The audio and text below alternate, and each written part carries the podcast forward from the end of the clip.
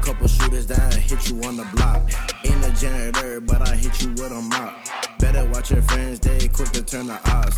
And a bitch nigga will play you for a thought. Ain't, a, ain't no Star Wars, yeah, my shit go TikTok. no nii, no nii, tere tulemast äh, kuulama järjekordset episoodi Kris Kala repertuaaris, seekord istun ma üksinda. Ja sina, kes mind videopildis vaatad, siis sa ju näed, et ma olen üksinda ja ma istun oma laua taga kodus. seekord ei ole stuudios ja miks üksinda, miks mitte. ja see, kes vaatab äh, või kuulab meid audioformaadis või mind audioformaadis, siis äh, kui tahad näha ka pilti, milline ma välja näen või milline välja ei näe, siis ole hea, mine piilu Youtube'i ja leiad sealt selle video samamoodi ülesse või selle podcast'i episoodi kenasti ülesse. Äh, viimane sooloepisood ja, ja vaata sooloepisoodidega ongi sihuke lugu, et äh, neid väga tihti pole teinud viimasel ajal üldse. Ja need tulevad siis, kui tekib see inspiratsioon või selline, selline konkreetselt mingisugune idee või mõttetulv. Ja, ja korrasid vaatan, et mitte sulle siin jälle taaskord valetada. Mind ennast tegelikult huvitab ka, millal oli mul viimati viimane kord, kui ma salvestasin üksinda, see oli, oli, oli mm,. kohe vaatame, see oli meil siin ikka päris, päris ammu, eks ole. jaa, see oli oh.. ahah, ahah. oh, ossa kurat see oli aasta tagasi, kujutad sa ette, see oli aasta otsa tagasi, ma ei ole üksinda mitte midagi jaganud, mitte et mul ei oleks mitte midagi jagada. kuigi vahepeal selline tunne tekib ja ma usun, et ka sul, hea kuulaja, äh, võib teinekord see tunne tekkida, et sul ei ole mitte midagi jagada. et ähm, selline alaväärsuskompleks võib vabalt sisse lüüa ja mina sellega tegelen, et äh, ühtepidi tahaks nagu rohkem sulle jagada enda mõtteid ja seda, mida ma olen õppinud viimaste aastatega nii podcaster'ina kui, kui igapäevaelus, aga teistpidi teistpidi osa minust ütleb, et äh, tead, mul ei ole midagi öelda. kes see sind kuulab, Kris? mis ei vasta tõele, aga see on see minu sisemonoloog, nii nagu sul on mingid muud monoloogid sinu enda sees, mis sind takistavad teatud äh, teistes eluvaldkondades. aga tõepoolest aasta tagasi, see saate number oli kakssada nelikümmend kaheksa. Äh, kolmkümmend üks taipamist, kolmekümne esimeseks eluaastaks, võta või jäta, all yours. seda on kuulatud üle kolme tuhande kahesaja korra, nii et see sai hea see sai hea, sest tavaliselt soolosaateid ei kuulata nii palju. nii et äh, täna oleme järgmise soolosaatega ja tänase saate teemadeks on meil äh,, mida on tegevjuhiks olemine mulle viimase kolme aastaga õpetanud. miks just selline teema, sellepärast et äh, minu tegevjuhi amet äh, või tegevjuhi teekond äh, ühe brändi juures on siis tänaseks äh, otsa saanud.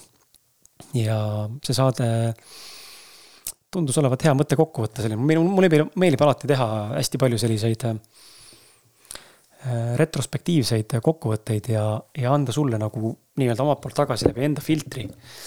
mingisuguseid äh, huvitavaid taipamisi, mis on mul tekkinud siis äh, selle teekonna või nende teekondade jooksul või nende kogemuste juures ja, ja siin ma jälle olen. ja loomulikult teemas iseendale ka, ma olen varem ka öelnud samamoodi, et tegelikult podcast'i tegemine on üks suurepärane teraapia tööriist. ja mitte ainult teraapia tööriist, et tegeled enda haavadega või enda mingite mustritega või uskumustega mida sa loomulikult hakkad ise kuulma. sul on klapid kõrvas, sinna ma kopsisin praegu peale ka. et sul on klapid kõrvas, eks ole. ja sa tegelikult kuuled enda häält vahetult, nüüd ja praegu kõiki mõtteid, mida sa ütled. sa tegelikult kuuled, alguses on see võõras, aga mingi hetk muutub see väga normaalseks ja sa harjud sellega ära. ja see annab võimaluse sulle suurepäraselt vaadata ennast kõrvalt, märgata enda parasiitsõnu, märgata uskumusi, märgata mõtteid, märgata enda suhtumist mingisse teemasse või mingisse valdkonda ja, ja samuti seda, kuidas sa suudad tegelikult oma mõtteid äh, koondada ja seda inimestele presenteerida, nii et minu soovitus on hakka podcast ima, veel ei ole hilja, Eestis on üle seitsmesaja kahekümne podcast'i. Nendest aktiivseid, kes kuus korra saate välja panevad, on ainult sada viiskümmend või sada kuuskümmend tükki, nii et go for it. nii, aga lähme selle saate sisu juurde, mul on siin pandud välja praegu neliteist punkti, võib-olla tekib neid juurde äh, aga hakkame pihta. number üks, äh, mis ma olen õppinud siis äh, viimase kolme aastaga, olles tegevjuht, ma võib-olla disclaimer'ina ütlen ka seda, et äh, ma olen ettevõtja olnud nüüd kuus-seitse aastat ja ma, mis ma ütlen disclaimer'ina, sellepärast et ma ei pea ennast ettevõtjaks. ma ei tunne, et ma oleksin mitte kuidagi ettevõtluses pädev tark, haritud, kogenud. väga palju õpin alles, äh, väga palju on mul õpetanud viimased kolm aastat tegevjuhina olles ettevõtteid juhtides. samal ajal oli mul enda ettevõte juba varasemalt olemas, aga selle juhtimine oli märkimisväärselt väike, sest ma käisin tegelikult väga tihti ka palgatööl.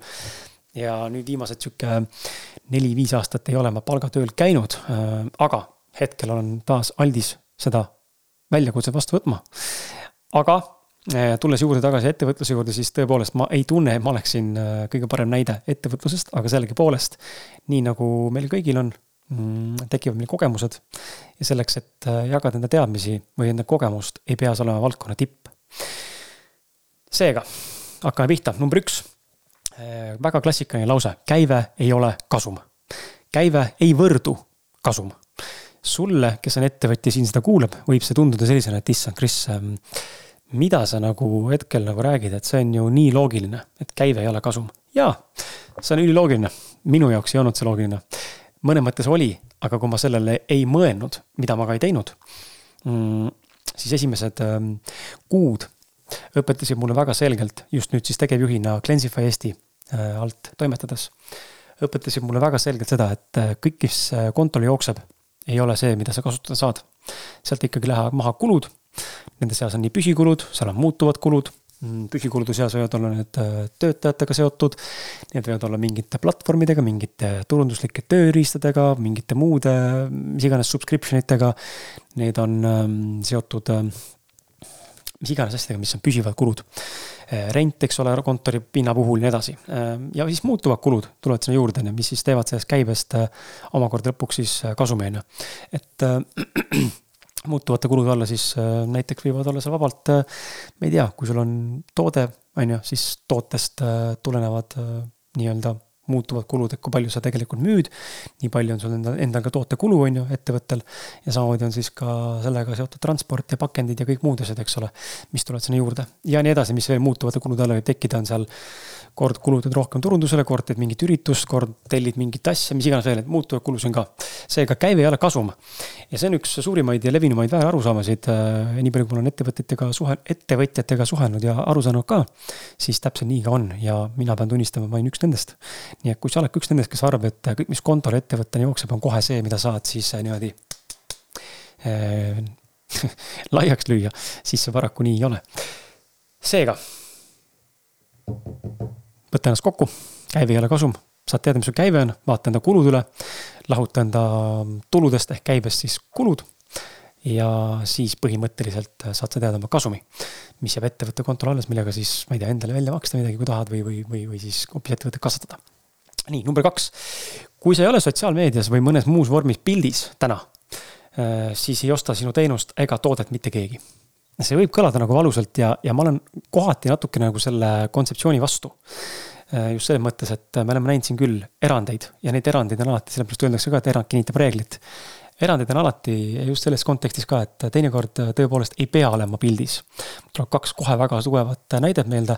üks neist on Andrus Vana, kes siin väga jõuliselt, ta oli küll pildis eks ole, tollal, kui ta oli omal ajal väga tuntud Eestis ja, ja temast sai väga suur sihuke vaimne, mitte kuru, aga inimene, keda väga paljud inimesed jälgisid, tal oli tohutult üle kümne tuhande jälgija Facebookis. ja andis välja mitu raamatut ja, ja mis ta täna teeb, ma tegelikult ei tea. Ja mul on temaga salvestatud mitu erinevat saadet ka, kokku vist seitseni, mine kuula, kui tahad. hästi põnevad saated ja, ja avavad su silmavaated kindlasti. aga Andres tegi hoopis teistmoodi turundust ja oma nagu pildis olemist nii et mõnes mõttes erandid kinnitavad reeglit, et saab ka teistmoodi teha ilma pildis olemata. siis on mul näidata kohe ette ka selline inimene nagu Andy Frisella, kes on minu podcast'i teekonda algusest peale väga palju mõjutanud. Tema Instagrami kontole minnes on tal seal vist äkki varsti peaaegu kolm miljonit jälgijat. ja kui sa vaatad ta feed'i või ta reels'e, siis neid põhimõtteliselt ei olegi. Feed'il on vist äh, üksikud postitused. Äh, ta pole mitu aastat midagi postitanud, ta paneb ainult story sid ülesse ta on väga edukas ettevõtja, väga suure korporatsiooni ehitanud. Äh, ta teeb e-, kahte erinevat podcast'i, kui mitte kolme. ja, ja mis iganes ta veel teeb seal, aga põhimõtteliselt ta ei ole pildis. aga ta konto kogu aeg kasvab ja siis on teine fenomen, mis ei lähe küll sellega kokku, sest tegelikult ta toob, toodab sisu. aga meil räägitakse viimasel ajal Instagrami muudetud algoritmidest. Äh, kuidas sotsiaalmeedia siis Instagram, Facebook, TikTokid, mis iganes veel, kõik eelistavad seda reels videoformaati, eks ole, lühiformaat. kohe kiiresti nüüd ja paugus kõik kätte informatsioon ilma pikemalt äh, lobisemata. siis äh, on üks äh, Hispaania modell, ai-ga loodud modell, kes ei ole päris naine, vaid seal taga siis seda kontot haldab päris tüdruk. aga ta ei näita kunagi enda nägu. Story des näitab ta enda keha mingite riietega või, või mingite ütleme riietega või siis äh, nende noh, brändi koostöödega või oma elustiil, eks käib söömas või trennis või reisib, eks ole, aga enda nägu kunagi ei näita ja pildid, mis tal on siis, tema ei mängi seda Reelsi mängu täna veel. tal on pildid, kus on siis ai loodud tegelane, modell ennast nagu näitab, et ütleb ka, et on ai, aga tema teeb ainult pilte, samal ajal kui kõik ütlevad ümberringi, et täna pildid ei tööta, siis temal töötab ja konto kogu aeg kasvab. seega erandid on alati olemas, aga tuleme selle asi esialgse mõtte juurde, kui see ei ole pildis räägime üldistatuna siis. kui sa ei ole täna pildis, siis äh, mitte keegi ei osta sinu teenust ega toodet keegi ei tea sind äh, või, või, või, küsime, miks on oluline olla pildis, ma toon sulle enda näite just nimelt tegevjuhi koha pealt. kui me Glensify'ga olime mingi väga, väga jõuliselt pildis, me saavutasime rekordaasta käibe ja rekord, äh, mitu, mitu rekordkuu käivet äh, nii netokäivet kui noh, netokäibelt või siis ütleme koos maksudega käivet pole vahet, aga ütleme netokäivet saavutasime väga suuri uusi rekordeid, uusi tulemusi, uusi nii-öelda kõige suurema müügiga kuid. Ja siis mingi aeg äh, kuidagi tundus, et läheb nagu lepase reega, meil läks jube hästi, eks ole, inimesed muudkui said meist teadlikumaks, me rohkem pildis tegime igast erinevaid podcast'e, käisime saadetes, käisime seminaridel, messidel. käisime ise saadetes külas, käisime buduaari saates, hooaeg saates, õhtusaates ja nii edasi, igal pool käisime. ja ja siis, mis selle tulemusena tekkis, oli see, et mina magasin, ma jäin magama tegevjuhina. ma jäin magama ja seetõttu jäi ka mu tiim magama. me jäime magama terveks suveks, sest suvi on toiduliselt äris tavaliselt natukene vaiksem. inimesed grillivad, chill ivad äh,, ei taha eriti kuulda midagi puhastamisest ega tervislikust toitumisest, kõik on pidu, fun, liha, grill, chill nii et äh, sügis tuli peale ja me ei teinud enda tavalisi samme, mida me tavaliselt teeme siis turunduse puhul ja mis juhtus, käive kukkus päris jõuliselt ja me kadusime pildist ära ja selle taastamine on ülimalt raske. ja mul on samasugune kogemus nüüd ka enda podcast'iga, sina, kes mind on pikalt jälginud, siin ma olen seda podcast'i üle viie aasta teinud juba ja tänaseks saan ma öelda, et ma olen kuskil kahel korral jätnud selle pooleli. ja see pikkus, kus ma olen pooleli jätnud ehk pole ühtegi saadet salvestanud, on olnud selline kuus, kuus kuud umbes kuni seitse kuud. on see periood olnud, kus ma olen nagu täiesti eemaldanud ja siis tulen uuesti välja. täna ma olen jätkusuutlikult jälle salvestanud üle aasta. ja ilmselt ma praegu hetkel ei tunne ka, et peaks pooleli jätma. on tekkinud uued sihid, uued tuhinad, uued suunad. aga ma näen seda, et äh, sellised äh, lühiajalised katkestamised mis nad tegelikult teevad sinu brändi ja, ja image'i või sinu staatus quo'ga või, või sinu eh, nime või toote või teenusega on see, et sa kaotad oma jälgijaskonda. kui sa, kui sa jätad enda pildis olemise kõrvale ja sa mõtled, et ah, ma teen vähem või mõne mõttes ei tee üldse, siis jah, seal võib olla see koht, et sa tuled tagasi, kõik on hästi. või sa siis samal ajal kasvad tegelikult ilma pildis olemiseta. aga see eeldab, et sa oled ka loonud väga palju sisu, võib-olla nagu mina täna olen. et mul endiselt kuulamised kasvavad, jälgijaskond endiselt tegelikult kasvab väga väikselt, isegi kui ma ei loo sisu, sest mul on nii palju sisu täna juba loodud. üle neljasaja episoodi mitme erineva podcast'i peale. aga oletame kui sa sisu juurde ei ole piisavalt palju tootnud, siis mingi hetk juhtubki see, et sa kaod lihtsalt pildist ära, inimesed unustavad ära, kes sa olid, millega sa tegelesid, miks see toode või teenus vajalik oli, miks see mingisugune sisu, mis sa tootsid, oli hea või kasulik, leiavad uue, kes teeb sarnast asja ja, ja paratamatult äh, sa muutud teisejärguliseks, mis on mõnes mõttes okei okay.. mitte olla kogu aeg turuliider või oma valdkonna liider, aga lihtsalt peab arvestama sellega, et taastada seda on ülimalt keeruline, see vajab topelt ressurssi, see vajab topelt raha mõnes mõttes finantsiliselt, et turunduslikult käima ennast saada, see vajab uuesti pildis olemist, uuesti ehitamist, uuesti kommunikatsiooni, uuesti kogu enda sõnumi ülesehitamist. ühesõnaga topeltteekond, seega soovitus on äh,. ole lihtsalt pildis, tee seda endale võimalikus äh, mõõdetavas ja tehtavas mahus, ilma et sellest lõhki tõmbaksid, läbi põletaksid. aga püüa mitte lõplikult ära kaduda. jah, number kolm äh,. Öeldakse, et turundus on kallis. nii ja naa, on ju, ma olen nõus, nii ja naa. Äh, mina jällegi viimase nelja aasta jooksul olen õppinud seda, et turundus ei ole mitte kunagi kallis miks ma, mida ma selle all mõtlen, on see, et äh, toome näite, sul tuleb äh, influencer sinu brändi juurde ja ütleb sulle, et tead, ma teen sulle kümme fotot, teen sulle kaks reels'i ja tootefotot siis ja kaks reels'i toodetest, kuidas ma neid kasutan, eks ole. annan sulle kogemusloo. ja teen paar story't ja selle hind on äh, tuhat, kaks tuhat, kaks tuhat euri. nii, esimese hooga ütleks, et vau, see on väga palju aga kui me hakkame nüüd vaatama seda, mida tegelikult me vastu saame, on ju, me saame tegelikult äh, number üks äh, täiesti uut sihtgruppi tõenäoliselt või siis me saame sarnast äh, sihtgruppi, keda meie toode võiks kõnetada, aga sihtgrupp kui jälgijaskonnal on uus, ehk siis need inimesed, kellele me ise võib-olla mitte kunagi ei jõuaks siis me saame sealt endale sisu, on ju, me saame story sid, me saame sealt võib-olla kogemusloo, me saame võib-olla saab mingi postituse või artikli. me saame kajastust ehk awareness'i teise inimese kontol, kuhu me ise ligi pääseks. me saame tootefotosid, mida me saame ise kasutada enda heaks, äh, nii nagu me soovime, nii nagu me arvame, kus iganes me tahame. me saame Reels'e, mis töötab täna tegelikult suurepäraselt äh, sotsiaalmeedias äh, suurepärase tööriistana enda sõnumi levitamiseks. ja kui ma nüüd vaatan seda, mis ma sealt tegelikult vastu saan. ja kui ma suudan ka välja võib-olla arvutada selle kulu, eks ole, mina maksan sulle kaks tuhat eurot selle eest, et sa mulle seda kogust siis teenusena pakud. ja minu, ma ei tea, ütleme sellesama Cleansify näite pealt toote hind on kakssada kolmkümmend üheksa eurot, eks ole. siis äh, ma pean müüma piltlikult öeldes kaheksa toodet või seitse toodet või kaheksa toodet, jah, kaheksa, üheksa, kaheksa, üheksa toodet. et äh, tulla kulu mõttes tasa, loomulikult sealt tuleb jälle maha arvatud mingid kulud. et käive ei ole kohe jälle see, ma olen tasa, eks ole. ütleme, ütleme optimistlikult üle kümne toote natukene müüa ja ma olen omadega nagu balansis on ju, nii-öelda nagu leidnud selle nii-öelda nagu siis, mis see sõna on nüüd siis, leidnud selle nullpunkti, on ju, kus on siis kulu-tulu tagasi nullis. ma sain midagi talt vastu ja tegelikult ma jõudsin toote müügiga läbi tema, siis need müügi, mis tulid, mul tegelikult piisavalt tagasi, ma olen omadega nullis ja kui me vaatame seda, siis äh, lihtsalt oluline on osata turunduslikult minu arvates mõõta, osata mõõta, osata vaadata, mida mina tegelikult sealt saan. kui ma selle summa sinna panen, mis on see väärtus, mis mulle tegelikult vastu tuleb. ja samal ajal ongi see koht, et äh, äh, kui turundus toob mulle tagasi rohkem, kui ma sinna investeerisin, siis see ei ole ju kallis, on ju. kordan uuesti, mõtle korra sellele. kui investeeritud summa turundusse toob mulle kas reklaamikampaaniate või mis iganes kampaaniate või influencer ite kampaaniate kaudu või mingite saadete kaudu või messide kaudu tagasi rohkem, kui ma sinna investeerisin, siis ju ei ole see kallis. siis ma võitsin. ma võitsin nii jälgijaskonna mõttes ehk awareness, ma olin pildis ja võitsin ka rahaliselt, on ju. kui ma panen turunduse alla kümme tuhat kuus näiteks mida kindlasti väga paljud ettevõtted teevad ja panevad isegi veel rohkem, on ju. ja kui see toob tagasi mulle nelikümmend tuhat, sada tuhat, siis ma võin ju turunduse, turunduse alla panna ka sada tuhat, kui see toob mulle miljon tagasi. hästi lihtsustatud näited. et see on see, kui mina seda asja nüüd olen hakanud vaatama, et kui see toob mulle rohkem tagasi, kui ma sinna investeerisin, siis see ei ole kallis peame aru saama, et inimestel on enda hinnad. et te, toodetel, teenustel on ka hinnad, mina täna müün teenust ja teenusel on hind. sest et sisaldab väga palju minu enda tunde, mida ma sinna sisse panen. seega koht, kus ennast väärtustada ja mõnes mõttes koht, kus ka teisi väärtustada, kes teenust pakuvad sulle, on tegelikult ülimalt kasulik. ülimalt tore koht, sest et see avab lihtsalt selle pildi ja nägemise sulle, et äh, kõik selline mustvalge, on ju, kui mina võidan, siis äh, see ei ole kallis ja mis turunduse puhul veel tuleb oluline teha, on oluline mõõta. ma olen siia eraldi märksõna pannud endale kinni ka, et kuidas äh, mõõta tegevusi, et äh, olgu see tiimiga, üksinda, teha analüütikat, vaadata, kuidas mingi asi töötas, kuidas oli engagement, kuidas oli reach. mis töötas, mis ei töötanud, miks ei töötanud, kas mõni pilt võiks paremini töötada kui teine pilt, kas töötab video paremini kui audio. kas audio töötab paremini kui pilt, kas pilt on parem kui video ja nii edasi. et aru saada sellest, mis kanal töötab ja, ja milline sõnum selles kanalis töötab ja siis on võimalik äh, ka turundust optimeerida minu arvates nagu sellisel tasandil, et see toob, toob sulle ka päriselt tagasi. aga see vajab natukene katsetamist ja arusaamist sellest, mis tegelikult töötab ja mis tegelikult ei tööta. ja.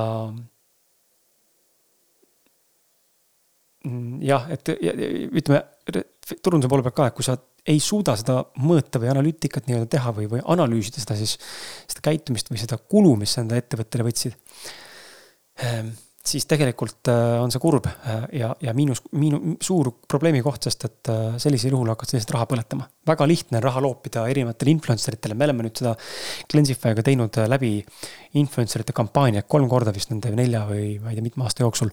ja mitte ühelgi korral, kui me oleme kaasanud endaga kaasa robukond erinevaid influencer eid, viis kuni kümme erinevat inimest terve kuu vältel tegema meie puhastust. ja seda ka promoma sooduskoodina. me ei ole mitte kunagi jäänud plussi. järelikult kas me teeme midagi valesti või meie sõnum või meie tingimus või meie kriteeriumid või meie guideline ei ole piisavalt detailne selleks, et influencer saaks aru, mida tuleb teha. või see turundusviis lihtsalt ei tööta ja sinna ei ole mõtet enam raha enam panna, sest see, me põletame selliste koostööde ja selliste turunduslike sammudega enda raha. samal ajal, kui me näiteks oleme pannud raha buduaari, toon lihtsalt näite, on ju. siis buduaari äh,, iganes X summa sealt tuleb äh,, saate eest tuleb maksta, et seal osaleda, toob alati tagasi mit-, mitukümmend müüki, mis on nagu kordades, kordades, kordades, kordades rohkem raha, kui me sinna investeerisime. seega sinna tasub veel ja veel, veel minna. aga alati üle käia enda sõnum ja teha midagi teistmoodi, et jälle kõnetada uut sihtgruppi või inimest, kes tegelikult on soe klient, aga pole ostnud, aga nüüd veel tahab osta. number neli, kommunikatsioon firmasiseselt partnerite, töötajate, klientidega. et kui sõnum ei ole selge, ehk klient ei mõista, mis väärtust ta tootest-teenusest saab, siis see ei müü. me tuleme turunduse juurde, me rääkisime sellest, et äh, pildis olemine, kui sa ei ole pildis, siis sa toodet-teenust ei müü. jah, nii ja naa, see ei ole nii mustvalge, nagu ma rääkisin, on, on siin ka natuke värvikammat juures. aga üldiselt selline on see reegel, kui see pildis ei ole, siis sind mitte keegi ei tea.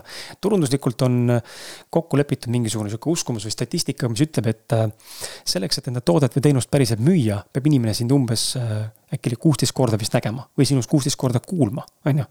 või sinust kuusteist korda lugema nii et äh, ta peab kuusteist korda, peab sinu toode või teenus jõudma tema nii-öelda alateadvusesse või teadvusesse, silma, silmadesse, kõrvadesse. et ta saaks aru sellest, et aa, nüüd ma tahan seda, et käiks see klikk ära, see ei pruugi alati olla niimoodi, et kindlasti peab olema kuusteist, aga selline mingisugune nagu reegel või statistika on välja toodud. ja kui me räägime nüüd sellest, et kuidas siis kommunikatsioon teha niimoodi partneritega, siis see, kuidas sina enda toodet, teenust tahad müüa, on äh, täielikult sõltuv sellest, kuidas sa seda kommunikeerid. ehk kuidas see sõnum see sõnum, millega sa seda toodet-teenust tahad inimestele viia, reklaamida ja müüa, on ülimalt oluline, mis sõnu sa valid. Äh, inimene peab aru saama, mida ta saab, kui ta su toodet ostab. meie suurim äh, raskus võib-olla või kergus mõnes mõttes oligi olnud see, et me olime nii nišivaldkonnas oma puhastustega, et meil oli väga lihtne äh, selgitada seda ja teistpidi väga keeruline selgitada, me pidime tegema seda teaduslikult. aga võimalikult lihtsalt, selgitada seda, mis kasu sina sellest tootest saad kui sa selle kuuri lõpuks läbi teed. seega see on ülioluline, me näeme ka, et ülimalt oluline on see kommunikatsioon, mida, kuidas sa sellest tootest, teenusest räägid. sest siis on võimalus inimesel sellest paremini aru saada, samastub sellega, sa leiad tema jaoks üles mingisuguse probleemi, mis tal selle, mida see toode võiks aidata tal lahendada. ja siis sa teed talle selgeks ka selle, et võtab maha kõik hirmud, mis tal selle tootega võib-olla on või selle teenusega näiteks on. hirme on inimestel igasuguseid. Eh, nii halbu kui häid, eks ole, nii paremuse suunas kui ka halvema, halvema suunas nii-öelda pärast toote või teenuse läbimist, inimesed on väga erinevad. ja kui sa oled suutnud hirmu maha võtta ja suutnud ka kommunikeerida seda, mis toode see on või mis teenus see on ja miks inimesele on kasulik ja mida tema tegelikult sellest saab. mitte, et ta maksab selle summa ja saab toote, vaid mida ta saab, kui ta selle investeeringu iseenda tervisesse või mis iganes eluvaldkonda teeb, siis ta teeb selle ostu. aga kui see kommunikatsioon ei ole õige ega täpne, siis seda ostu ei toimu. number viis, toote hind ei ole määrav toode ei ole mitte kunagi kallis. ja see natuke läheb vastavisse eelmisega, sest et kui inimene saab aru, mille eest ta tegelikult maksab, on ju, mida ta saab tegelikult sellest tootest või teenusest, siis ta saab aru, mis kasu tal sellest on. ja kui see aitab tal kokku hoida raha näiteks mõne muu valdkonna või samas valdkonnas või sama probleemi muude tööriistade peal, mis aitaks tal probleemi lahendada. siis see toode ei ole kallis, et kui toode on kakssada viiskümmend eurot ja see aitab mul raha kokku hoida tuhandeid eurosid näiteks, ma ei tea, mingisuguselt äh, ravimikuludelt või. või, või operatsioonilt või, või ma ei tea, mis iganes mingilt äh, vaimse, psüühiliselt, äh, psühhosomaatiliselt häirest või. või, või mingisugusest madalseisust, kuhu võib-olla kulub tuhandeid eurosid, eks ole, ravi, ravikuludele või mingistele, mingitele teraapiaseanssidele, siis see ei ole ju kallis alati peab vaatama seda, millega, mida võrdleme. ja meie müüsime mõnes mõttes äh, toodet, mis oli turul väga kallis, eks ole, hind on kakssada kolmkümmend üheksa tootel endal. siis tarbid selle toote kuu äh,, päevaga ära, mitte kuu vabandust, päevaga ära. ja samal ajal turul on veel, ütleme, sarnaseid, ma ütlen jutumärkides, sarnaseid tooteid, mis teevad sarnast asja mõnes mõttes, aga mitte päris sellist, nagu mis on sinu toode või sinu teenus. ja nüüd sa lihtsalt müüd seda nii kallilt aga jällegi, me müüsime ja tegime tegelikult väga suurt käivet sellise niši toote juures. ainult sellepärast, et me tegelikult suutsime kommunikeerida inimestele, millega on tegemist, mida ta saab, mida see aitab ja kuidas ta tegelikult enda mõnes mõttes teekonda siis vastavalt, mis toode või teenus sinna valdkonda puudutab või kõnetab, kuidas seda teekonda eh, lühendab ja kiirendab ja nii-öelda siis eh, parendab. number kuus, loo rohkem väärtust siin tahaks, siin ma tahaks lihtsalt äh, niimoodi oksele hakata. Äh, ja sellepärast ma olen saanud, ma olen, ma olen see välja toonud siia punktina sellepärast ka, et see mõnes mõttes vastab tõele. teistpidi ei vasta üldse tõele, sellepärast et äh, see on nii klišee lause, loo rohkem väärtust. ja, ja ma näen nii palju ümber olevaid inimesi turundustest tege-, tegelemas selliseid samme, kus sul on mingisuguse seminari või konverentsi või mingisuguse online kursuse hind, eks ole, oletame, ma toon näite sellest valdkonnast. ja siis sul on seal kaasas posug on nagu lihtsalt lõputult erinevaid asju, mida inimesele kaasa panna. see on mõnes mõttes tore, sest me tegelikult kuhjame inimese üle, me teeme väga psühholoogilise lükke, kus me pakume inimesele ahvatlusi silmade ette hästi palju, on ju, sa saad selle ligipääsu sinna keskkonnale, sa saad selle pileti sinna konverentsile, sa saad veel tasuta raamatu, sa saad veel mingid kleepsud, sa saad tasuta lõuna, sa saad veel tasuta konsultatsiooni, sa saad veel mingisuguse kümne partnerettevõtte, kes seda seminari toetab veel tema mingisuguse skitka ehk looduka vautšerina või mingisuguse sooduskoodina või kinkekaardina. siis sa saad veel mingid muud träni, pastakas ja paber ja ma ei tea, mis iganes veel kaasa. ja siis sa saad veel ligipääsu terveks aastaks ja terveks eluks, eks ole, ja kui toob veel partneri ka veel juurde või sõbra, eks ole, siis saad veel soodsamalt. me, me, me loome neid ahvatlusi inimesele nii palju, et inimesed psühholoogiliselt käib lihtsalt error ajus ja ta ei suuda mitte ei sellele öelda. see on väga hea, kaval, manipulatiivne turunduslik trikk, mis töötab. me kuhjame sind ülepakkumistega, me loome sulle rohkem väärtust, et sa annaksid selle, eh, teeksid selle ostu see on mõnes mõttes okei okay,, sest sa saadki väga palju ja inimesed väga palju annavad ka sulle. aga teisalt mind ennast isiklikult sihuke asi käima näiteks ei tõmba, ma ei ole see inimene. ma ei jookse selle peale sinna, ma saan sada viiskümmend asja juurde, mind huvitab see üks asi, mitte need asjad, mis ma kaasa saan. nii et eh, mõnes mõttes on see hea koht, mida kasutada, aga jällegi väga paljud räägivad sedasama asja, mis on kirja pandud siia, mida rohkemat inimeste probleeme korraga lahendad, seda rikkam sa oled. ehk siis mõelda selle peale, mis toode või teenus on see, millega ma saan aidata võimalikult paljudel inimestel lahendada mingit kindlat probleemi nende eludes või nende tegevusvaldkondades, olgu ta ettevõttega seotud või eraisiku elus seotud. ja siis, kui ma aitan seda probleemi lahendada ja suuremal tasandil, eks ole, et seda väga paljudel inimestel aitan seda probleemi lahendada, siis seda teenust, teenust ja toodet ostetakse number seitse, ega ebamugavustunne ja raskused ning väljakutsed, mis puudutavad õppimist, iseseisvust, vastutuse võtmist ja arenemist indiviidina ning tegevjuhina. Need on väga rasked kohad, aga nendega tuleb tegeleda. minu kogemus on see ja täna näen ka, et ma ei suuda lõpuni võtta vastutust oma, mitte ainult käitumise ees, ma arvan, käitumise ees suudan võtta, aga oma otsuste ees või oma elu ees või ettevõtte või oma brändi ees näiteks. et äh, kui palju möödub minu elus ja ma kujutan ette ka sinu elus, hea kuulaja, kui palju möödub elus neid hetki igapäevaselt äh, või iganädalaselt, kus sa mõtled, et okei okay,, ma teen selle asja ära ja siis ikkagi ei tee. või et äh, ma hakkan tegema toda, aga ma ikkagi lõpuks ei hakka. me räägime endale ja me ei võta tegelikult vastutust. Äh, meile meeldib halada, mulle meeldib ka halada teinekord väga palju ja ma teen seda siin saadetes ka mõnikord väga palju. ja, ja ma annan endale aru sellest, aga seda on väga raske endast välja saada sest et äh, nendel hetkedel, kui on raske, nagu sa isegi tead, siis tekibki tunne, et terve maailm su ümber on süüdi. Äh, kõik teised on süüdi, tahaks näidata ainult näpuga, mitte kunagi enda peale, eks ole. kuigi kui sa näitad näpuga enda peale, ühe näpuga, siis kolm ju näitavad tagasi minu suunas. nii et sa tegelikult näitad sama iseendale, maailm on tegelikult peegel, eks ole, selle koha pealt. ja, ja tegelikult see ongi see koht, kus me peame aru saama, et äh, need ebamugavustunded, need väljakutsed, mis meil tulevad, kas rahaliselt või tervisega seotud või suhetes või lastega või töös või eraelus või trennis või, või või, või ma ei tea, toitumises või, või rahateemades või milles iganes need teemad on sul täna aktuaalsed, need väljakutsed, need raskused, need kitsaskohad, need, need, need ebamugavad vestlused. Eh, neid tuleb teha, sest need panevad sind kasvama. kui palju mul on olnud viimase nelja aastaga ebamugavaid vestlusi olnud vaja pidada maha enda töötajatega, kes meie juures on töötanud. ja just nagu ka veel naisterahvastega või koostööpartneritega kes on naisterahvad ja justkui nagu nõrgem, nõrgem nii-öelda sugu või, või nõrgem soo esindaja, eks ole. et äh, ei taha haiget teha inimesele, aga sa pead olema konkreetne, sellepärast et ma tunnen, et mind on kuritarvitatud või mul on liiga tehtud ja ma pean enda eest seisma. ja võtma selle vastutuse, sest kui mina ei võta vastutust, siis ettevõte läheb põhimõtteliselt põhja. kui mina ei võta vastutust, mu suhe laguneb. kui mina ei võta vastutust, siis mu lapsest tuleb äh, kaak või äh, taltsutamata mingisugune, äh, ma ei tea, põrnikas ma ei tea, mis see tähendab. et äh, point on selles, et võt-, ebamugavustunded, need väljakutsed, raskused elus, äh, õppimist vajavad seisukohad või muutumist vajavad seisukohad ja muutumist vajavad mingisugused situatsioonid. Need on kohad, kus sina saad kasvada. selleks tuleb võtta vastutus aru saada sellest, et ma pean seda tegema, kas see meeldib mulle või mitte, pole oluline, mul tuleb seda lihtsalt teha. nii ebamugav, kui see ka ei oleks. ka mul on raske seda mõnikord täna mõningates valdkondades teha, aga ma tõesti üritan. number kaheksa, suhete loomine, suhete hoidmine. äriliselt väga oluline ja igapäevaelus ka inimestega väga oluline, mu elukaaslane istub praegu siin, teie vist kaamerast ära ei näe aga suhete hoidmine igapäevaselt enda äripartneritega, koostööpartneritega, enda võib-olla vanematega, enda sõpradega, enda tuttavatega, enda jälgijaskonnaga, enda kuulajaskonnaga, enda fännidega, enda tellijatega, enda klientidega ja nii edasi. Äh, pidada meeles inimesi, kes on sulle olulised, on ju, tähtpäevad, äh, sünnipäevad, mingisugused saavutused, keegi saavutab midagi, siis äh, see ei võta sult tüki küljest ära, et saata talle üks hea kiri, palju õnne või et äh, sa oled väga tubli, ma olen üliuhke sulle. muidugi seda võiks päriselt siiralt ka tunda, mitte et sa teed seda lihtsalt feigi, fake imise pärast, et ma ei ole seda meelt, et fake ida tuleks. Ehm, aga just nimelt see, kui sul on edasimüüjad või sul on ettevõtte partnerid, kes sind tegelikult toetavad ja pikaajalised ettevõtte partnerid. mine tee kord aastas või mine tee kord kvartalis neile kingitus, mine lillekimbuga, mine vii komm, mine vii mingi šokolaad, kingi kinkekaart.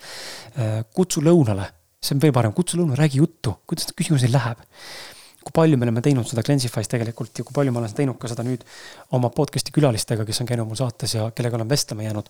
hoia sidet ise ära eelda, et kõike sulle tehakse, vaid tee ise ka need esimesed sammud, eks ole, see inimestele tegelikult meeldib. pane ennast alati teiste inimeste olukordadesse ka ja seisukordadesse, kui sul, sulle meeldiks, kui sulle keegi ütleb, kui sulle kindlasti meeldiks, kui mina tuleksin ja kutsuksin lõunale sind. ja, ja kiidaksin sind ja tänaksin sind selle eest, et sa olemas oled kuulajana. sulle meeldiks see, tõenäoliselt. seega miks mitte sama asja teistele vastu teha, sest maailm on ikkagi meie peegel. Number üheksa, detailidele orienteeritud olemine tuleb olla valmis, olla tähelepanelik just numbrite osas. ma olen väga nõrk äh, ma arvan, et rahalises IQ-s, ma ei ütle, ma olen nagu täis debiilik, aga minu money IQ või raha IQ on ikkagi pigem madalam. ja ma näen, et ma olen terve oma elu, oma elu teinud valikuid sellises suunas, kus äh, mul on olnud nagu, mulle meeldib, kuidas Peep Vain, sõber Peep Vain ütles väga hästi kunagi minu saates, et äh, kujuta ette, et sa oled nagu suusataja. ja üks suusk on justkui nagu alati eespool, on ju, näitan siis niimoodi sulle, eespool. ja teine suusk lohiseb nagu järgi. ja need suusad näitavad kahte suurt suunda või sellist suundumust elus. üks on vaimsus, eneseareng ja teine on siis raha ja materiaalsus. ja sellise näite puhul on ju. ja kui me vaatame inimesi üldse elus, siis äh, ma usun, et sa tead väga palju inimesi enda elus, kes on täna äh, rahaliselt väga heas seisus, väga rikkad inimesed, aga nad võib-olla on väga kinnised äh, siit mõistusest ja mõttemaailmast. käivad justkui nagu hobuse silmaklappidega, silmaklapid peas, eks ole. vaade on nii kitsas, et äh, mitte midagi ei näe, mitte midagi uut vastu ei taha võtta, nemad teavad kõike kõige paremini. ja siis on neid, kes on hästi avatud kogu maailmale ja teavad hästi palju erinevatest teemadest ja on hästi intelligentsed inimesena ja võib-olla ka hästi palju uurinud, lugenud ja, ja oskavad suhelda, kõik on nagu teistmoodi nagu hingeliselt tegelevad vaimsete asjadega, on paigas ja kuidagi sihuke sügavad, aga raha pool nagu lonkab. mina olen selles paadis olnud terve elu. ja mul läks ülikaua aega, et mõista seda tegelikult, et ma ei ole lihtsalt, minus ei ole loomulikku intelligentsi rahaasjadele ja see on jumala okei okay.. see on jumala okei okay, sul ka endale tunnistada teinekord, et see valdkond, millega sa tunned, et sa pusid koolis mingid õppeained või ülikoolis mingid ained või töö juures mingid ülesanded, igapäevases elus mingisugused äh, asjad, mida sa pead tegema või millega pead toimetama, need ei tule hästi välja, mõned asjad. see on jumala okei okay., sa ei peagi kõiges olema osav ega kõiges olema perfektsionist ega kõiges parem olema, sa ei saagi kunagi olla kõiges kõige parem. aga aru tuleb saada sellest, milles sa oled tugev. ja nüüd, kui sa saad aru, milles sa oled tugev, siis sinna tuleb ka panustada. aga need kohad, kus sul on miinuskohad nüüd ärilisest vaatevinklist, on ju, tegevjuhina ja ettevõtte omanikuna ja ettevõtte juhina ma tahaksin öelda, et need on need kohad, millega tuleb tegelema hakata. detailidele orienteerumine on ülimalt oluline ja Excel damine, Exceli tabelite tundmaõppimine annab nii palju juurde. mul on suurepärane mentor olnud, Maarjus Vahter. Äh, kui sa peaks teda kuulama, aitäh sulle, Maarjus. Äh, kui te teda ei kuula, kui sina Maarjus tunned, siis äh, tore, kui sa ei tunne, siis Maarjus on väga palju siin Kris Kala podcast'is olnud ka saatejuht kaassaatejuht ja me tegelikult tegime Cleansing Eesti podcast'i koos. ja samal ajal tegelikult ta on ka siin saates mul külas käinud külalisena kunagi, nii et mine kuula. hästi tark inimene. ja tema õpetas mulle selgeks selle, kui oluline on numbrid. tema on numbrite inimene mina ei olnud numbrite inimene, mul läks ülikaua aega, ma arvan, ma julgen, julgen ausalt öelda, mul läks vist poolteist aastat kindlasti aega, kui mitte kaks äh,. igakuiselt kogu aeg midagi õppides, kas mingisuguse käibemaksu kohta või tulumaksu kohta või mingite palgaarvestuste kohta või mingisugust kulutulu on ju, see käive ei ole kasum äh,. kuidas muutuvaid kulusid arvestada, kuidas püsivaid kulusid sisse kanda.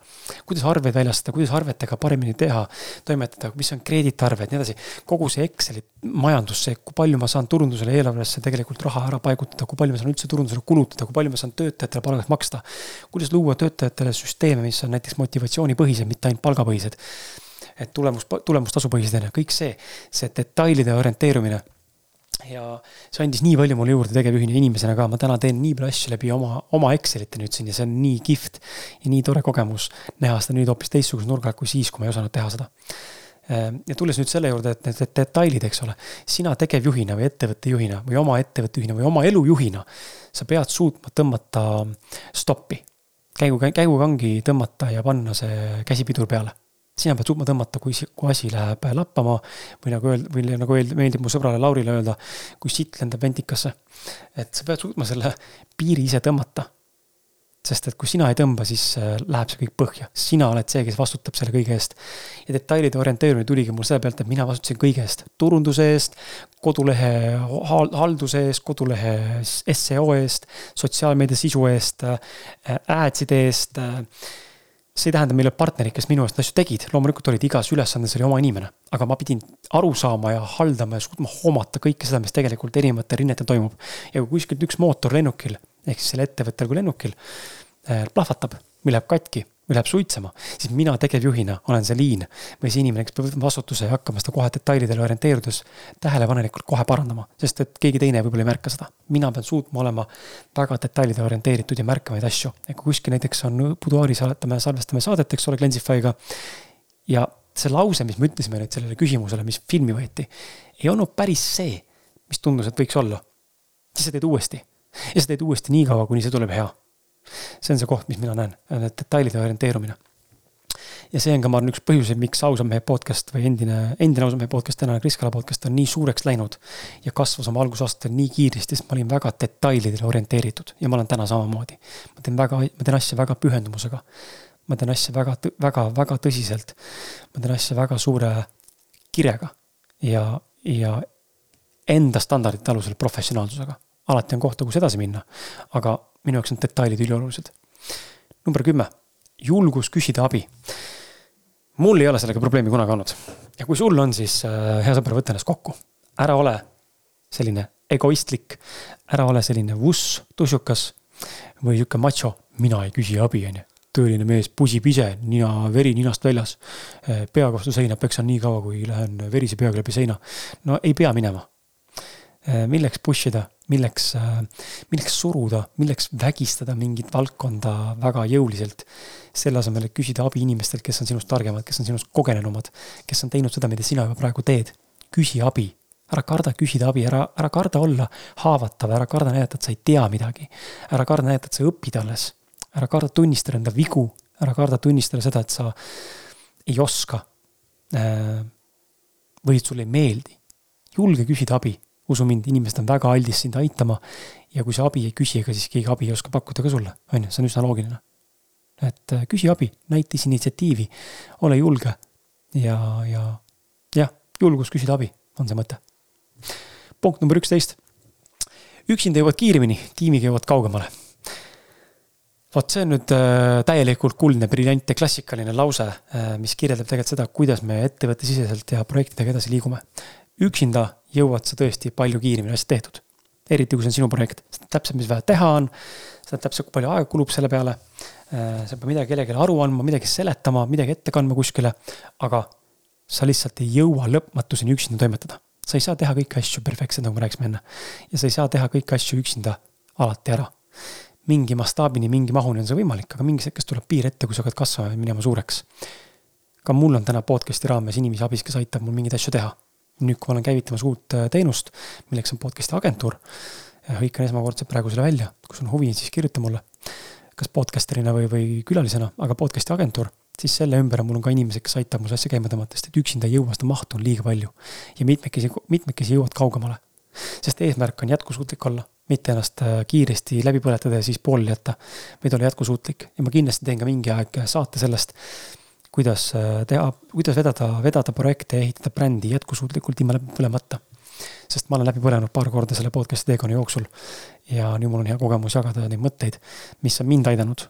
kuidas mitte jõuda läbipõlemiseni või kuidas mitte ennast viia läbipõlemiseni. seega, sa jõuad üksinda kiiremini, aga koos tiimiga jõuad kaugemale ja teha ka selgeks selle enda korporatiivses meeskonnas, näiteks kui sul on tõesti suur ettevõte, sa oled tiimijuht või sa oled tegevjuht, eks ole, sul on palju töötajaid seal või palju meeskonnaliikmeid. siis teha inimestele, kõikidele inimestele selgeks, vahet pole, kas ta on koristaja, nõudepesija, on ta sinu sekretär, on ta sinu assistent, on ta sinu tegevjuht, on ta sinu mingi meeskonnajuht, on ta minu keskastme juht, vahet ei ole. kõik peavad aru saama, kuidas nende igapäevased tööd või nende igapäevaste tööde erinevad ülesanded aitavad ettevõtte suurt pilti tegelikult luua ja edasi viia. kui töötaja saab sellest aru, kuidas tema igapäevane panus tema töösse, mida ta teeb, või tema roll aitab tegelikult viia ettevõtte edasi ja samal ajal tuua ka talle tagasi näiteks rohkem, ma ei tea, suuremat palka või paremaid boonuseid. või mingeid kingitusi või väljasõite või mis iganes paremaid tingimusi ettevõttes, kus töötada. siis usu mind, ma garanteerin sulle, et meeskonna efektiivsus ja töötaja efektiivsus tõuseb nagu drastiliselt ülespoole. kui inimene saab aru päriselt, miks ta midagi teeb ja kuidas tema miniatuurne justkui, ma ütlen miniatuurne jutumärkides, tema miniatuurne panus, minimaalne panus, see väike nüanss kuskilt äh, laua tagant, eks ole, töötades. Kuidas see loob suurt pilti, ta on väga suur osa, väga suur lüli sellest suurest pildist, nii et palun koos, koos, koos. Äh, kaksteist plaanib paika ja tiimikoosolekud. inimeste tunnustamine, nende kiitmine, äh, taipamiste jagamine, eesmärkide seadmine. See on midagi üliolulist, enda tiimi tunnustamine, enda tiimi kiitmine, enda tiimi märkamine, kui keegi teeb midagi hästi, siis seda kiita, see ei võta tüki küljest. Äh, elukaaslane teeb midagi hästi, saab kiita. laps teeb kodus midagi toredat, sa saad talle kiita. sa saad talle tänada, millest, mis sulle meeldis, sa saad tänada oma sõpru, oma vanemaid, oma töökaaslasi, kolleege, juhti, alamaid, keda iganes veel. kliente, teenindajaid äh, ja nii edasi, sa kõiki inimesi tänada ja neid kiita, kui sa midagi märkad. kui sa märkad ilu, ütle seda välja, see on, see on nagu ülikihvt, ma ise tegin seda ka. üritan ikka tihti teha, aga mul tuleb ükskord meelde, kuidas ma käisin Uno, Uno, Ülo restoranis käisin söömas Eh, oma, oma meeskonnaga ja seal olid kaks ime, imearmsast teenindajat. noort tüdrukut, kes teenindasid ülihästi ja olid nagu nii professionaalsed ja, ja olid nagu kohal ja olid kuulased sinuga, olid sinuga nagu koos ja kuidagi nii tugevalt olid olemas ja mul tekkis hästi sümpaatne ja hästi mõnus hoitud tunne seal. ja ma pärast andsin neile muidugi jootraha ka, aga ma läksin, tegin pildi neist koos endaga ja ma tänasin neid. Ja ma panin selle sotsiaalmeediasse ülesse Äh, Kris Kala Facebooki, ausad mehed, see Kris Kala podcast'i Facebooki alla. ja tänasin tüdrukuid nagu avalikult ja tunnustasin, sest minu jaoks oli see ülioluline, ma tahtsin seda päriselt siiralt nagu teha. Nii et äh, see on see koht, mis ma tunnen, et äh, on hästi oluline, enda meeskonna tunnustamine, nende heade asjade ja ka halbade asjade märkamine, selle kommunikeerimine. mitte süüdistamine ega õigustamine ega, ega pahandamine, vaid lihtsalt esile silma ette toomine ja nüüd selle üle arutlemine. kuidas saaksime koos seda asja paremaks teha? või kuidas saan mina juhina aidata sul enda tööd paremini teha? ja, ja samamoodi äh, eesmärke paika panna, teha neid miitinguid, teha neid iganädalaseid koosolekuid ja meil oleks selge, mida keegi tegelikult tegema peab ja kui palju see aega võiks võtta. nii tekib ka sul juhil äh, parem arusaamine sellest, mida keegi tegelikult sinu töötajatest teeb. mis on igapäevane panus, kui palju ta tegelikult midagi teeb, kui palju ta kulutab mingi tegevuse peale aega. kas saab midagi optimeerida, kas saab midagi teha kiiremini, kas saab midagi teha kvaliteetsemalt, kas saab midagi teha paremini. alati ei ole kiirus oluline, aga mõnikord on et see on hästi oluline ja teinekord ka selline ajaline, aja mõõtmine või selline ütleme justkui nagu töötajate kulipliiguga jälgimine annab ka töötajale endale parema arusaamine sellest, et kuidas ta tegelikult töötab, kas ta on nagu efektiivne töötaja, kas ta on fokusseeritud tööl, kas tal on vaja mingit muud keskkonda, kas tal on vaja keskkonda mingeid elemente, mis aitavad tal paremini kohaneda. kas tal on vaja midagi muud, mis aitab tal luua seda keskkonda, et ta saaks päriselt tööd teha? Või mis iganes see ka ei ole, on ju, et äh, suhtlemine inimestega. number kolmteist äh, mitte teha soodukaid ja julgus mitte minna kaasa standardsete lahendustega, mida kõik teevad. see natuke läheb kokku selle turunduse poolega. et kui sa ei ole pildis, ähm, siis sind ei ole olemas. ja nüüd on küsimus, aga kuidas saab teha teistmoodi, niimoodi, et ma ei ole pildis, aga ma ikkagi kasvan, sest tegelikult seda ikkagi väga paljud brändid kasutavad. ja minu enda kogemus on ka, ma näen, et see töötab äh, mingil tasandil. nüüd, kuna me kõik teeme turundust, on ju, vaata, kuidas turundust täna tehakse sotsiaalmeedia ads'id, reels'id, SEO-d, kodukad, konverentsid, webinarid, uudiskirja kogumised. ja nii edasi, on ju, mingid PDF-i tasuta jagamised, ähm, konksutamised ja nii edasi. kõik teevad mingeid asju, mis kõik teevad ühtemoodi, meil on nagu ühiskondlikult kokku lepitud justkui nagu selline turunduslik mäng, mida kõik mängivad mingite reeglite järgi. ja kui sa neid asju kaasa ei tee, siis põhimõtteliselt sa nagu läbi ei löö. mina ei usu seda. jah, ma olen nõus, et meil on tekkinud mingisugune kiht või mingi sageduse mingi sihuke muster, mingisugune mm, kood või dünaamika või mingi moodus, läbi mille kõik oma edu saavutavad turunduslikult, tehes samu asju, mida teevad kõik. üks väga näide, üks väga näide on näiteks selline, mida meie mitte kunagi Lensify'ga ei teinud. sest et me nägime, et see rikub lihtsalt ära kogu meie brändi ja imago. on meeletud allahindlused tähtpäev, allahindlused, suur reede, väike reede, ma ei tea, sõbrapäev, naistepäev, isadepäev, emadepäev, jõulud, aastavahetused, uus aasta, pööripäevad, ma ei tea, jaanipäevad e, esmaspäevad, sellised lõputult päevasid on, mille pealt kõik ettevõtted teevad äh, väga palju soodukaid ja eriti hästi on seda näha välismaal, kus sul on äh, kursuste müümine, et sul on alghind on kümme tonni ja siis ainult täna on see, ma ei tea, kakssada viiskümmend viis eurot, on ju.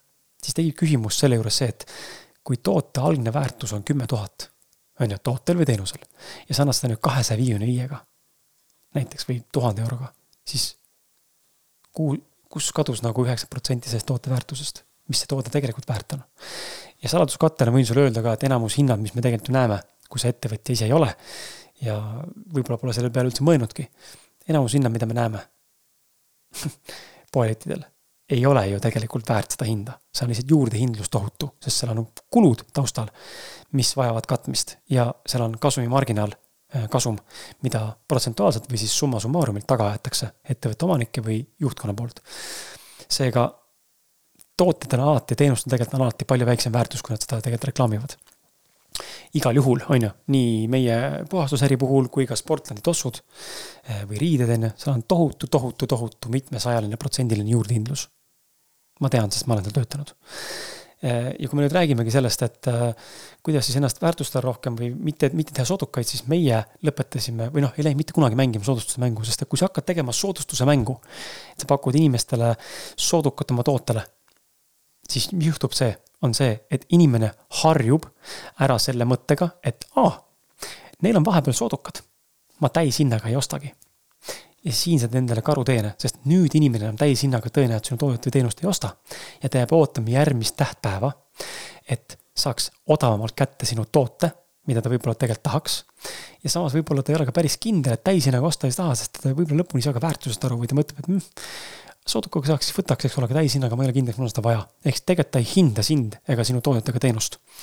ja ta ei hinda seda, mida sa tegelikult pakud toote-teenusena, kui sa müüd oma toodet kallimalt. ja kui sa hakkad oma toodet müüma odavamalt, siis sa viid ennast lihtsalt nagu lõputusse spiraali, millel ei ole lõppu allapoole suunaga. ja lõpuks jõuad sinnamaani, kus inimesed enam ei osta ja konkurendid hakkavad ka omakorda hinda langetama, sest et äh, kliendid ei osta enam kalli hinnaga. ja lõpuks jõuad sinnamaani, et sa müüd seda toodet või teenust sellise hinnaga, et sul enda kasum on nii väike, et seda lihtsalt on täiesti mõttetu lõpuks teha. sest et tahad sa või mitte, äri, ettevõtluse mõte, number üks algne mõte ikkagi on teenida kasumit. on ju, see on ettevõtte ainuke prioriteet ei ole vaja tulla rääkima ega mõtlema selle peale, et ma tahan olla maailmapäästja ja teha midagi tasuta. kui see oled sina, siis palun äh, palju õnne sulle, anna minna. mina see täna kindlasti ei ole. ettevõtte eesmärk on teenida kasumit, mitte teha heategevust. tahad heategevust teha, tee endale MTÜ ja mine toimeta, on ju. et äh, aru saada sellest, et kui sa lähed seda allahindluse spiraali mööda edasi, siis sa kaevad ennast väga sügavale ja lõpuks mitte keegi enam ei osta su toodet täishinnaga. ja sealt tagasi tulla, hinnatõusu teha, on juba väga keeruline ja viimane punkt, number kolm, number neliteist, mille välja tooksin siia, on enda väärtustamine. ettevõtjana ja igapäevaelus. Eh, kui sul on toksiline suhe, sul tuleb õppida ennast väärtustama. mitte lasta endale pähe istuda või mitte endaga inetult käituda. kui sul on ettevõte ja sa tahad teenida kasumit ja sa tahad, et sa oleksid õnnelik sellest, et saad endale lubada oma elu, eluviisi endale, mida sa tegelikult tahad lubada. seejuures olles ise teinud väga palju tööd, siis sa pead hakkama õppima ennast väärtustama, küsima õiglast hinda. kui sa tahad olla ma ei tea, hea lapsevanem või hea partner või, või mis iganes muu, siis pead hakkama ennast lihtsalt väärtustama. tahad ennast äh, tunda tervislikuna, olla, elada kaua, siis tuleb ennast väärtustada ja endale lubada kallimat äh, toitu või paremat toidulisandit või paremaid tervislikke tingimusi või, või mis iganes muud see on. minu enda väärtustamise teekond hakkas alles umbes poolteist aastat tagasi, kui ma tegin esimest korda elus teadliku otsuse, et mina enam tasuta podcast'i ei salvesta see oli minu jaoks väga suur samm, sest ma tundsin selle hetkeni välja, et äh, ma ei väärtusta ennast ja mind mõnes mõttes ei väärtustata. jah, sina, hea armas kuulaja, vaataja, oled mulle siin aastate jooksul toeks olnud ja mulle õlale patsutanud. ja selle eest ma ütlen sulle respekt. ütlen sulle respekt, äh, aitäh sulle selle eest et sa oled olemas olnud ja päriselt aitäh sulle siiralt, sest ilma sinuta ma ju tegelikult ei teeks seda. kui mul poleks kuulajaid või vaatajaid, siis kellele ma salvestan? lõpuks saab mott otsa ja ma endale lõpuks ei salvesta enam. seega ainult sinu pärast põhimõtteliselt ma ikkagi tegelikult teen seda, osaliselt ka enda pärast, aga väga palju sinu pärast. ja nüüd äh, enda väärtustamise koha pealt, et äh, lõpuks see õlale patsutamine ja ütlemine, et Kris, sa teed jube head asja. või et sul nii lahe podcast. see lihtsalt ei toitnud mind enam, sest ma teadsin väga hästi, kui fucking head asja ma teen.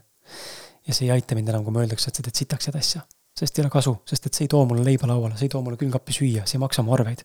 see ei paku mulle elamust ja kogemust, mida mu perekond võib-olla tahaks. seega ma tegin otsuse, ma hakkan ennast väärtustama. ja on aeg küsida raha selle eest, mida ma olen loonud. ja pärast seda, kui ma tegema hakkasin seda, kõik muutus. kõik muutus. ja täna ma elan podcast'ist. juba poolteist aastat varsti. ja see on hästi huvitav kogemus olnud kas iga kuu on kerge või raske? või tähendab, kas iga kuu on kerge? ei ole. aga kas on olnud äh, mõnus? jaa, väga tore, väga lahe. ja, ja piisas ainult ühest otsustest. otsus teha seda, et mina olen väärt rohkemat ja väärt paremat ja mina enam niimoodi ei jätka, nagu vanasti tegin. ma tahan teistmoodi. ja selle otsusega muutus kõik. nii et siin ma võtan kokku selle nüüd, viiskümmend minti läbi. siit ma lõpetan neliteist punkti sulle, mida mulle tegevjuhiks olemine õpetanud. Kõik, suur osa nendest asjadest, mis ma siin loetlesin, tegelikult kasutada igapäevaelus ka, mitte ainult ettevõtte puhul või äris. ja, ja ega muud ei olegi, loodan, et sa suutsid lõpuni kuulata, aitäh sulle, et sa minuga olid ja egas midagi.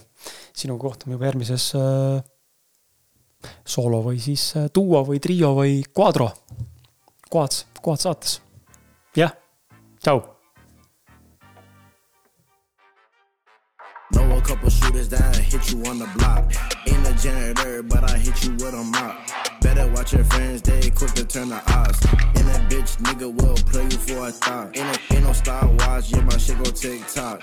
Jumping in out the bendo like it's hopscotch. My nigga in the kitchen and he whipping in the pot. Watch me see him twirl, then he drop.